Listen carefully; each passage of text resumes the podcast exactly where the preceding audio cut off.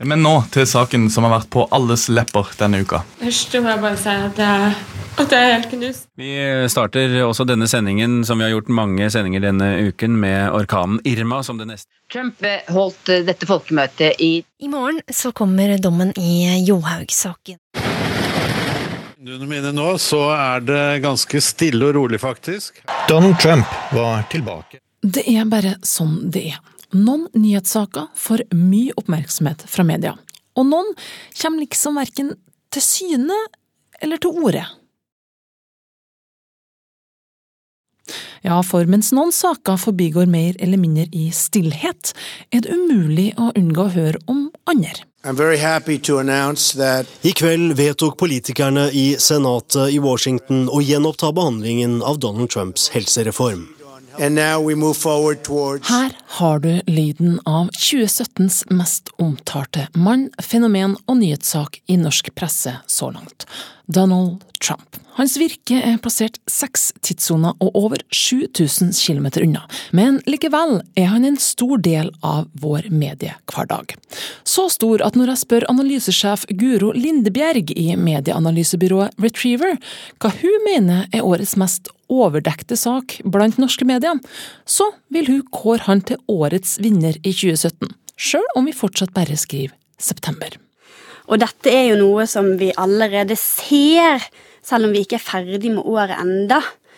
Og det er jo flere som har påpekt at norske medier omtaler Donald Trump i, i langt større grad enn de f.eks. omtaler vår egen statsminister og vår egen regjering sin politikk. Og vi ser jo eh, dette også i, i agendatrekkerundersøkelsen vår. At, eh, at Trump eh, teller om lag 50 000 medieoppslag hittil i år. Og det, det, er jo kanskje litt i overkant, kan man si. I tillegg så har vi jo vår egen uh, Sylvi Listhaug. Hun genererer jo også mye omtale som mange mener er unødvendig. Og det er litt på samme måte som med Trump, så er hun nå under medienes lupe. Og, og hver minste ting hun foretar seg, uh, det omtales jo i utallige oppslag. Um, I tillegg så har vi jo det faktum at både hun og Trump selv genererer mye omtale ved å gå ut med kontroversielle utspill og, og formulere seg litt på kanten. Nei, Jeg er her for å se på området. Jeg har hørt veldig mye om dette området her og hvilke utfordringer man har, så jeg er ute etter å lære. Ja, det har vært en del omtale av Sylvi Listhaug i denne valgkampen, og faktisk kan Lindebjerg fortelle meg at den siste uka før valget ble Listhaug omtalt 1128 ganger mot partilederen sin Siv Jensens 706 medieoppslag. Hvilket som får meg til å lure. Hvor mye omtale fikk Erna Solberg den samme uka før stortingsvalget? Ble hun trumfa av Trump da òg?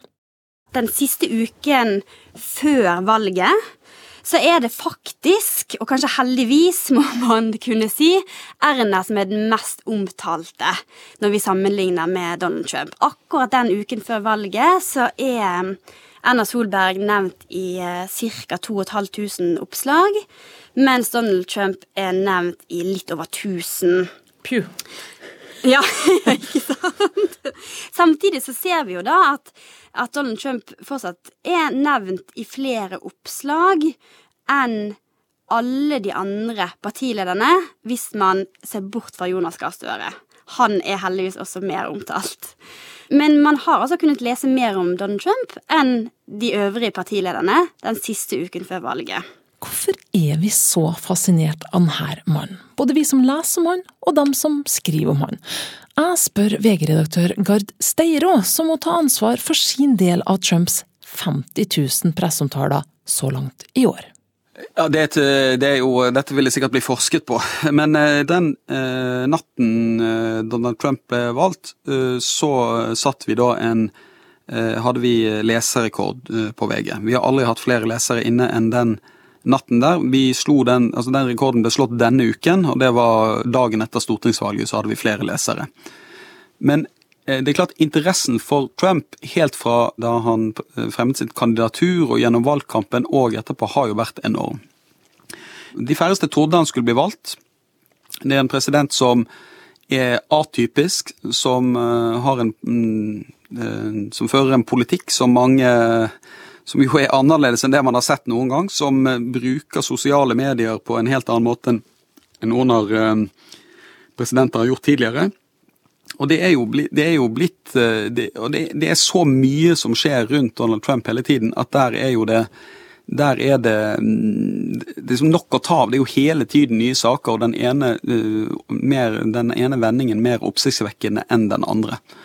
Så jeg tror dette er en, en blanding av en fascinasjon, en uh, avsky, en frykt, og så ser vi at veldig mange lesere leser jo alt vi skriver om Trump, men er veldig kritisk til dekningen vår av Trump. Vi vet ikke helt hvor mange de er, men de er iallfall høylytte, og vi får veldig mange uh, tilbakemeldinger om det. Kanskje er du en av dem som aldri får nok av Trump, men VG ser jo fort på nettsidene når folk blir lei av en sak. Kan de anslå hvor lang tid de får holdt på oppmerksomheten til publikum? Det er jo vanskelig å si noe bestemt, for det er klart at gir vi en sak veldig mye oppmerksomhet, så kan jo vi holde liv i en sak som det kanskje er lite interesse for. Folk, folk leser jo ofte det de får, og spesielt det som blir presentert på de øverste linjene på vg.no. Mye av det stoffet blir jo lest uansett vi ser jo at det, det vi kaller det oppmerksomhets... Altså, det, altså jeg tror nok at saker levde lenger tidligere enn de gjør i dag. Fordi informasjonsstrømmen er så det er så enormt, det er så mange saker hele tiden å velge mellom at, at oppmerksomheten er kortere enn tidligere. Og så er det litt forskjell. Altså Vi ser at noen saker lever veldig godt på, øh, på nett. Altså Interessen er stor på nett over lengre perioder. Mens når vi plasserer de samme, altså omtaler de samme sakene på førstesiden av papiravisen, så kan vi se på salgstallene våre at dette åpenbart er interessen mindre enn den er på nett. Så det er jo litt ulike Det kan være, det kan være ulikt fra de leserne vi har digitalt, til de leserne vi har på papir. Steiro er inne på noe som jeg lurer på. Var allting mye bedre før, eller har det alltid vært en sånn ujevn fordeling av medieoppmerksomhet? Hvordan inntrykk sitter analysesjef Lindebjerg med? her er svaret egentlig både ja og nei. Det er mye som tyder på at mediene alltid har løpt i flokk, og har um, dekket saker på samme måte som de gjør i dag.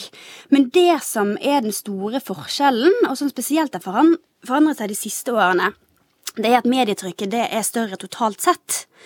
Sånn at når en, en sak først uh, løper løpsk, i mediene um, og dekkes av tusenvis av eh, artikler, så vil totalantallet um, medieoppslag bli mye større enn før. Og dette skyldes jo da at vi har langt flere nyhetsflater, blant annet nettaviser, og at uh, nyhetsdekningen der er kontinuerlig og veldig preget av um, en, en løpende dekning Sånn at én sak vil generere mye mer omtale enn eh, det gjorde tidligere. Um, og dette har jo mange konsekvenser, annet da at uh, en person i kryssilden vil oppleve et mye større press enn før, og det kan også føre til at um, uh, det blir en større medietretthet hos folk. Ja, uh, ja medietrøtthet, ja. Sjøl en journalist kan bli sliten av å følge med på løpende dekning. Jeg skal ærlig innrømme at i dekning av omfattende rettssaker, som for eksempel Nokas-ranet, så måtte jeg bare hoppe av halvveis og håpe at kanskje noen kunne oppsummere det viktigste for meg når saken var slutt. Kan redaktør Steiro forstå at det av og til rett og slett blir for mye informasjon? Ja, der peker du på noe som er veldig interessant. Det er at dette mener jeg at norske medier er generelt for dårlige på. Det er en stor utfordring. Det er at hvis du tar Jensen-saken som et eksempel, eller stortingsvalget for den uh, saks skyld, så er vi jo, ofte har vi en løpende dekning av det som skjer, der leserne bombarderes med innhold. Det er artikler på artikler på artikler. Og det er jo også sånn ved store hendelsesnyheter. Hvis, hvis, du går inn på VG eller NRK bare noen timer etter det har noe, skjedd noe stort, så vil det kanskje ligge 10-12 artikler der, og det er veldig vanskelig å skaffe seg oversikt. Og dette er mediene for dårlige på, etter min mening. Å gi de leserne som ikke har mulighet til å følge en sak løpende, tilstrekkelig informasjon, effektivt og totalt, sånn at de kan holde seg noenlunde oppdatert uten å måtte følge saken nærmest minutt for minutt. Vi er for dårlige til å, sette, til å fortelle historier effektivt, kan du si.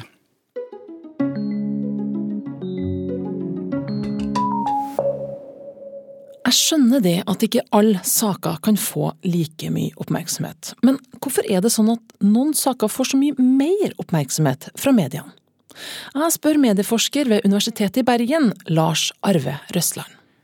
Det er et svært spørsmål, eh, men det er jo slik at eh, eh, For å si det enkelt, en kan ikke dekke alt.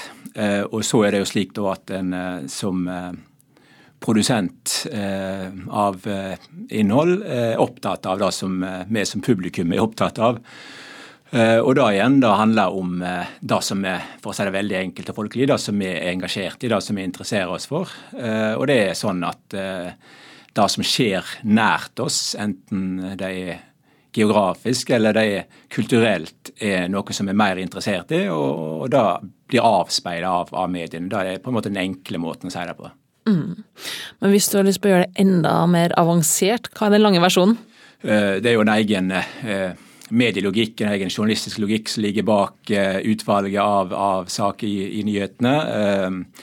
Johan Galtung og Mari Holmbo Ruge skrev en klassisk artikkel om dette her tidlig på, på 1960-tallet, der de undersøkte dekningen av, av krise og, og konflikter ute i verden, og hvordan det ble dekka i, i, norske medier. Og De, de fant jo veldig sånn klare mønster i denne dekningen, eh, og, og, hva en da vektla, og at dette her var eh, noe som gjentok seg. Og, og, og, dette er noe som vi òg ser i, i eh, andre tilfeller at det, en, en, legger vekt på eh, faste ting. Eh, som dekningen av, av eh, elitenasjoner, f.eks. Som at en dekker mer ting som skjer i, fra norsk ståsted. Det, det som skjer i USA, det som skjer på, på motsatt side av kloden. Selv om hendingene i og for seg er like. Det er òg slik at uh, dette er noe som, som, på en måte møter uh, en tilsvarende, uh, et tilsvarende mønster i vår måte som publikum å, å tenke på. Da at vi leter etter de samme tingene hver, hver, gang når vi slår på nyhetene. At det er det som vi interesserer oss for. Det, det er et, dette møtet så å si i, i i de nyhetene vi faktisk får. Altså logikken i, i, journalistikken og i mediene, og logikken og psykologien i, i vår måte som, å tenke på som, eh, som et uh, samla publikum. Mm. Men Du nevnte det med at uh, ja, det blir mye interesse, eller det blir mye saker om det som vi interesserer oss for, men er vi interessert i visse emner og tema fordi at det ligger naturlig for oss, eller fordi vi er opplært rent sånn mediemessig å være interessert i den type stoff? Kunne liksom mediene bare eh, bombardert oss med viktige saker, men som ikke var så kulturelt nært oss, f.eks., og vi hadde endra interesseområder, tror du det? Ja, det er jo en uh, interessant, uh, interessant, tanke, et interessant tankeeksperiment. Uh, og det er klart at Dette er jo knytta til en, en utvikling når det gjelder kommersialisering av mediene. Der innhold blir Det er jo en del av kommersialiseringens paradoks ikke sant, at mer konkurranse fører til likere innhold. Og at dette her bygger jo på at kommersielle medier har en, har en felles måte å handle på i, i bunnen, som, som, gjør at utbudet blir relativt likt. og at en selv om det er ganske mange medier på banen, så springer en i flokk fordi at en regner med at og vet, ikke bare regner med, men vet gjennom målinger og undersøkelser at publikum som i betydning av at flertallet av publikum er ute etter eh, en, en viss type sak og en viss type vinkling. Sånn at eh, da at en over tid har fått eh, en kommersialisering av, av, av, medier og journalistikk, fører til, fører til et, likere, et likere innhold. Retriever samarbeider med PR-operatørene og Yougov, som sammen utarbeider en liste kalt Agenda Tracker over de mest omtalte sakene i nett- og papiraviser, samt utvalgte TV- og radiokanaler. Det gjør de hvert kvartal, og gir til slutt en oppsummering for hele året. Men kan den erfarne medieanalytikeren Lindebjerg forutse hvilken type saker som kommer til å komme på topplista over mest omtalte saker? Det er sjeldent egentlig at vi blir veldig eh, overrasket. Det er som regel eh, akutte hendelser, og som gjerne da er nær geografisk, som får mye oppmerksomhet. Oh Naturlig nok var terroren i Manchester høyt oppe på Agenda Trackers liste over de mest omtalte sakene i første halvdel av 2017. og for første halvår av 2017 var det dessverre nok av tragiske hendelser på den lista.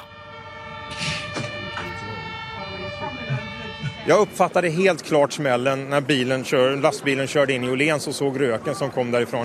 Sen. Vi hører stadig det er ikke mer terrorangrep nå enn før. Men med dagens mediedekning er nok sjansen stor for at vi hører mer om dem enn før.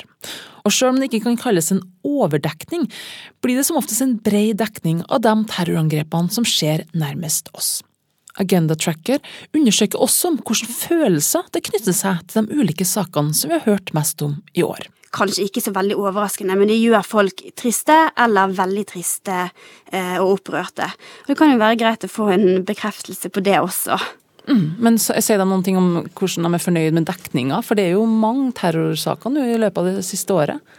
Det vi faktisk ser, det er jo at um, folk syns at dekningen av terroren i Manchester og i uh, London og i Stockholm, som fant sted i, i andre kvartal i år, der er folk flest, um, eller i hvert fall over halvparten, fornøyd med dekningen. Mm. Men Så det er noen som òg ikke er så fornøyd, hører jeg da? Ja, det er det. Det er det alltid. Vi ser jo at, ja, vi ser jo at ca. 30-35 eh, ikke er fornøyd. Men da vet du ikke om det er for at de syns det er for lite eller for mye dekning? Dere spør ikke om det? Du, Det spør vi faktisk ikke om i den undersøkelsen her. Det ville jo vært veldig interessant, men, men eh, eh, det er ikke noe som vi gjør enn så lenge. Men det kan faktisk bli for mye dekning av terrorstoff. Når jeg kikker på The Guardians video om terrorangrepet i Stockholm, står det først en advarsel om at noen seere kan finne dette materialet forstyrrende og opprørende. For i 2011 skrev Yuval Nira, en professor i klinisk psykologi ved Columbia University Medical Center, en kommentar i tidsskriftet Yama, der han summerte opp ulike studier som var gjort etter 11. september-angrepet i USA.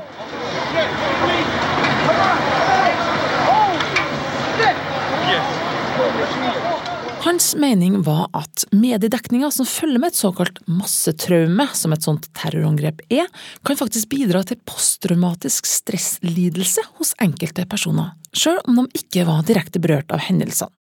World Trade Center, we understand that a plane has crashed into the World Trade Center. We don't know anything more than that. I en studie anslått om lag 7,5 av den generelle befolkningen i New York kan ha hatt symptomer på posttraumatisk stresslidelse en måned etter terrorangrepet i New York. Av denne gruppa har de aller fleste bare opplevd de verste inntrykkene gjennom massemedia, og ikke vært direkte involvert i selve hendelsen. Men som han skriver videre, så sank denne prosenten ganske fort blant dem som ikke var direkte involvert. Og for dem som fortsatt hadde symptomer etter et halvt år, så var det en mulighet at det er den iboende sårbarheten til hver enkelt som bestemmer risikoen for å slite med symptomene på dette, skriver forskning.no.